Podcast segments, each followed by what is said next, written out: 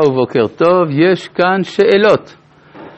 כתוב בראשית ברא אלוהים את השמיים ואת הארץ. לכאורה שני העת מיותרים.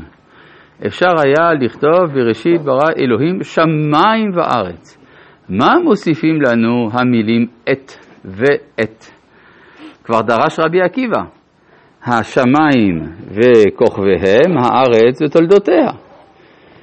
שלום הרב, אמרת באחד השיעורים אפשר גם להבין שעת זה המהות, המהות של השמיים והמהות של הארץ. יש כאלה שפרשו ככה. שלום הרב, אמרת באחד השיעורים שיש לרש"י כלל.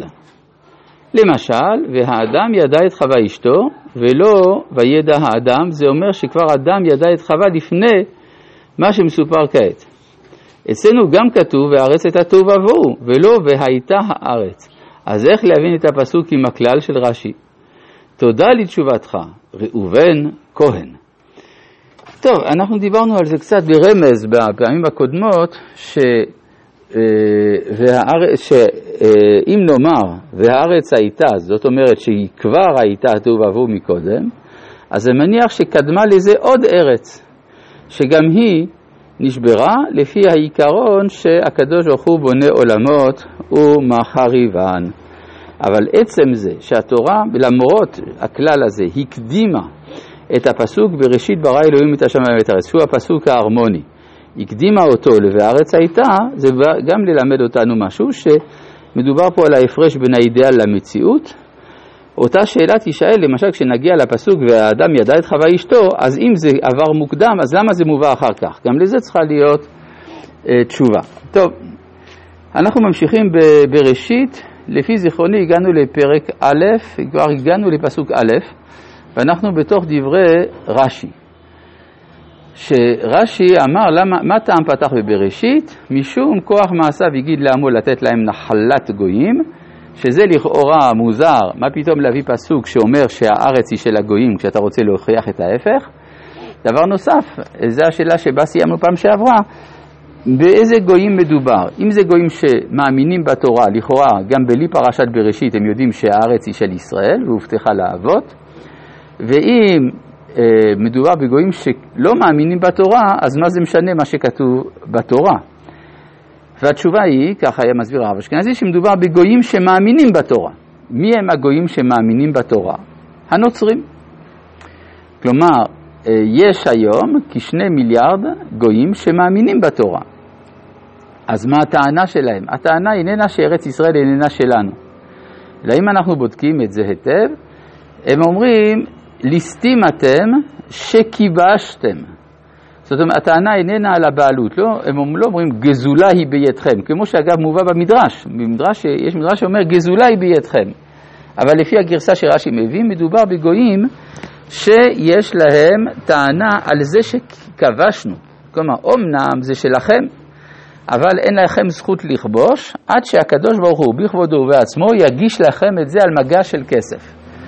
וזה בנוי על העיקרון שהאדם איננו זכאי, כן? לפי התיאולוגיה הנוצרית, אדם אין לו זכות לקחת משהו כי הוא חוטא במהותו, הוא חוטא מלידה ולכן רק אם אלוהים בעצמו מעניק לו בחסד עליון את המתנה, מותר לו לקחת. לכן ליסטים אתם שכיבשתם. והאמת היא שטענה זו הושמעה בזמנו על ידי האפיפיור בעצמו, כשביקרה אצלו גולדה מאיר, ראש ממשלת ישראל, והדבר הראשון שהוא אמר לה, אני מזועזע מן האלימות שהפעילו היהודים בארץ הקודש. שימו לב לביטוי, הוא לא אמר זה לא שלכם, אלא מה זה האלימות הזאת. ואז היא ענתה לו, כמו רש"י, אבל זה שלנו. כלומר, יש פה תהום תיאולוגית.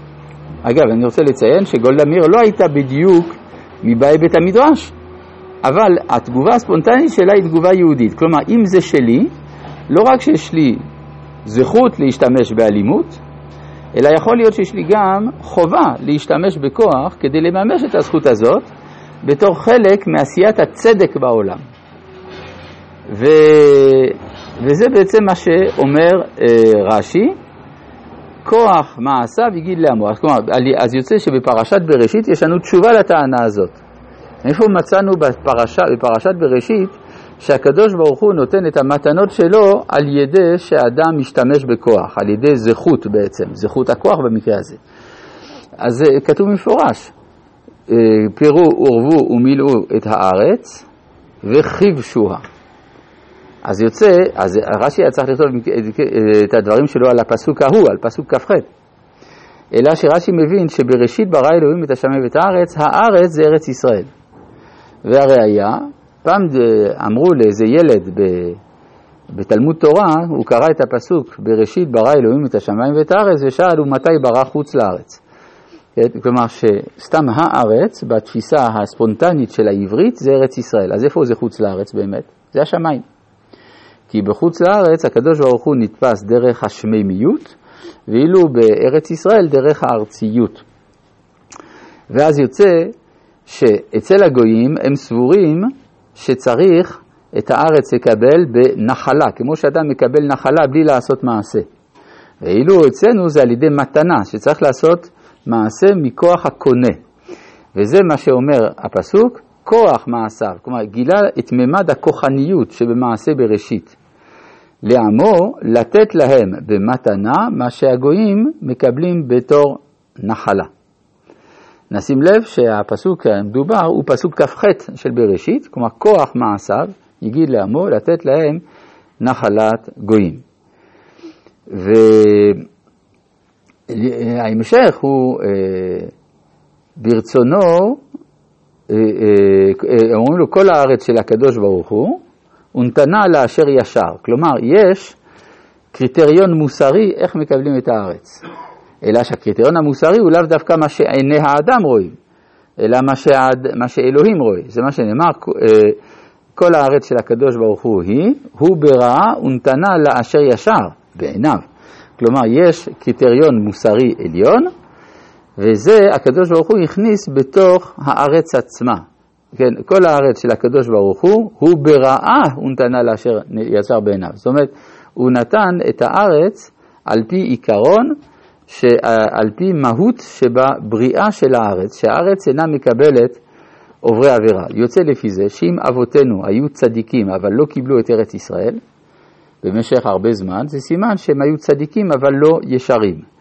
ואם אנחנו קיבלנו את הארץ בדורנו, זה סימן שאנחנו ישרים גם אם אנחנו לא צדיקים. הקריטריון הוא היושר ולאו דווקא הצדקות.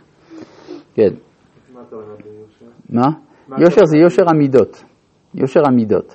הרי בוני הארץ אה, אמרו, אנו באנו ארצה לבנות ולהיבנות בה. להיבנות, רצו לבנות טיפוס חדש של יהודי, סוציאליסטי, תמים, צבר, נאה, כזה שאיננו יודע רמאות מהי.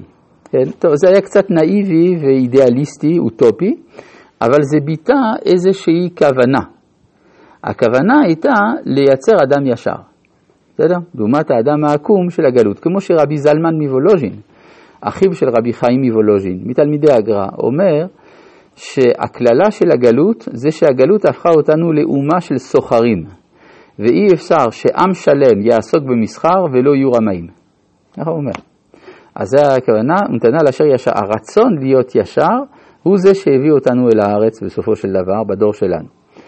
כן. כן, כי המוסלמים, אין פה יחס לטענה של המוסלמים, כי המוסלמים לא מאמינים בתורה. כלומר, מאמינים בחלק מן המאורעות, רק טוענים שהטקסט זויף על ידי הנוצרים והיהודים, ולכן אין פה אמינות לשיח. לעומת זה, הנוצרים מקבלים את התורה כפי שהיא כתובה לפנינו, כן? רק שהם נותנים פרשנות אחרת. על זה אומר הרמב"ם, אם נסביר להם הם יבינו. לכן אומר הרמב"ם, מותר לדון בענייני תיאולוגיה עם הנוצרים ולא עם המוסלמים. כנראה הרמב"ם אה, אה, האמין כן בכמה דברים. א', שאפשר לשכנע את הנוצרים, שתיים, שהוא לא העלה על דעתו שבשיחה בין היהודי לנוצרי, היהודי יושפע מהנוצרי. הרמב"ם מרוב ישרות אינטלקטואלית לא יכול היה להעלות על הדעת אפשרות כזאת.